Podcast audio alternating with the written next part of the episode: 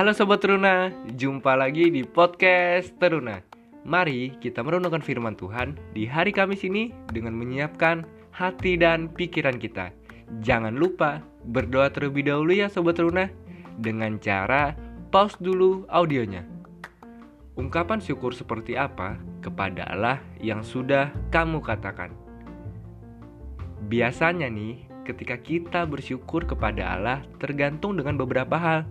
Misalnya, saat keadaan senang atau menerima berkat dari orang tua dan keluarga. Apa hanya saat mendapat berkat baru kita berkata, Tuhan itu baik. Terus ketika kita sakit, hidup dalam ketakutan, kehilangan benda berharga, kita bilang Tuhan itu jahat, Tuhan itu nggak adil. Sobat Teruna, Melalui firman Tuhan hari ini, kita dapat belajar ungkapan syukur Daud kepada Tuhan berdasarkan pengalaman dan penghayatan imannya.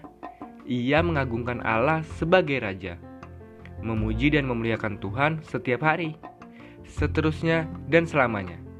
Di tengah situasi sekarang ini, kita diajak untuk selalu bersyukur kepada Tuhan karena masih diberi kesehatan, kekuatan, dan keselamatan di satu sisi memang kita mengalami kesulitan dalam menerima pembelajaran dan tugas yang menumpuk. Tapi kita sebagai anak Allah selalu berusaha dan berjuang untuk bisa menyelesaikan tugas dan tanggung jawab kita sebagai siswa dan siswi. Percayalah bahwa Tuhan mengajak kita untuk mulai melatih mulut dan hati sobat teruna untuk mengatakan Tuhan itu baik.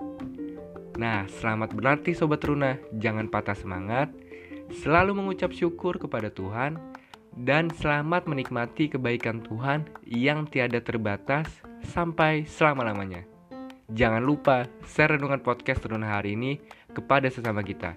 Sampai jumpa lagi di podcast Teruna selanjutnya. Tuhan Yesus memberkati. See you.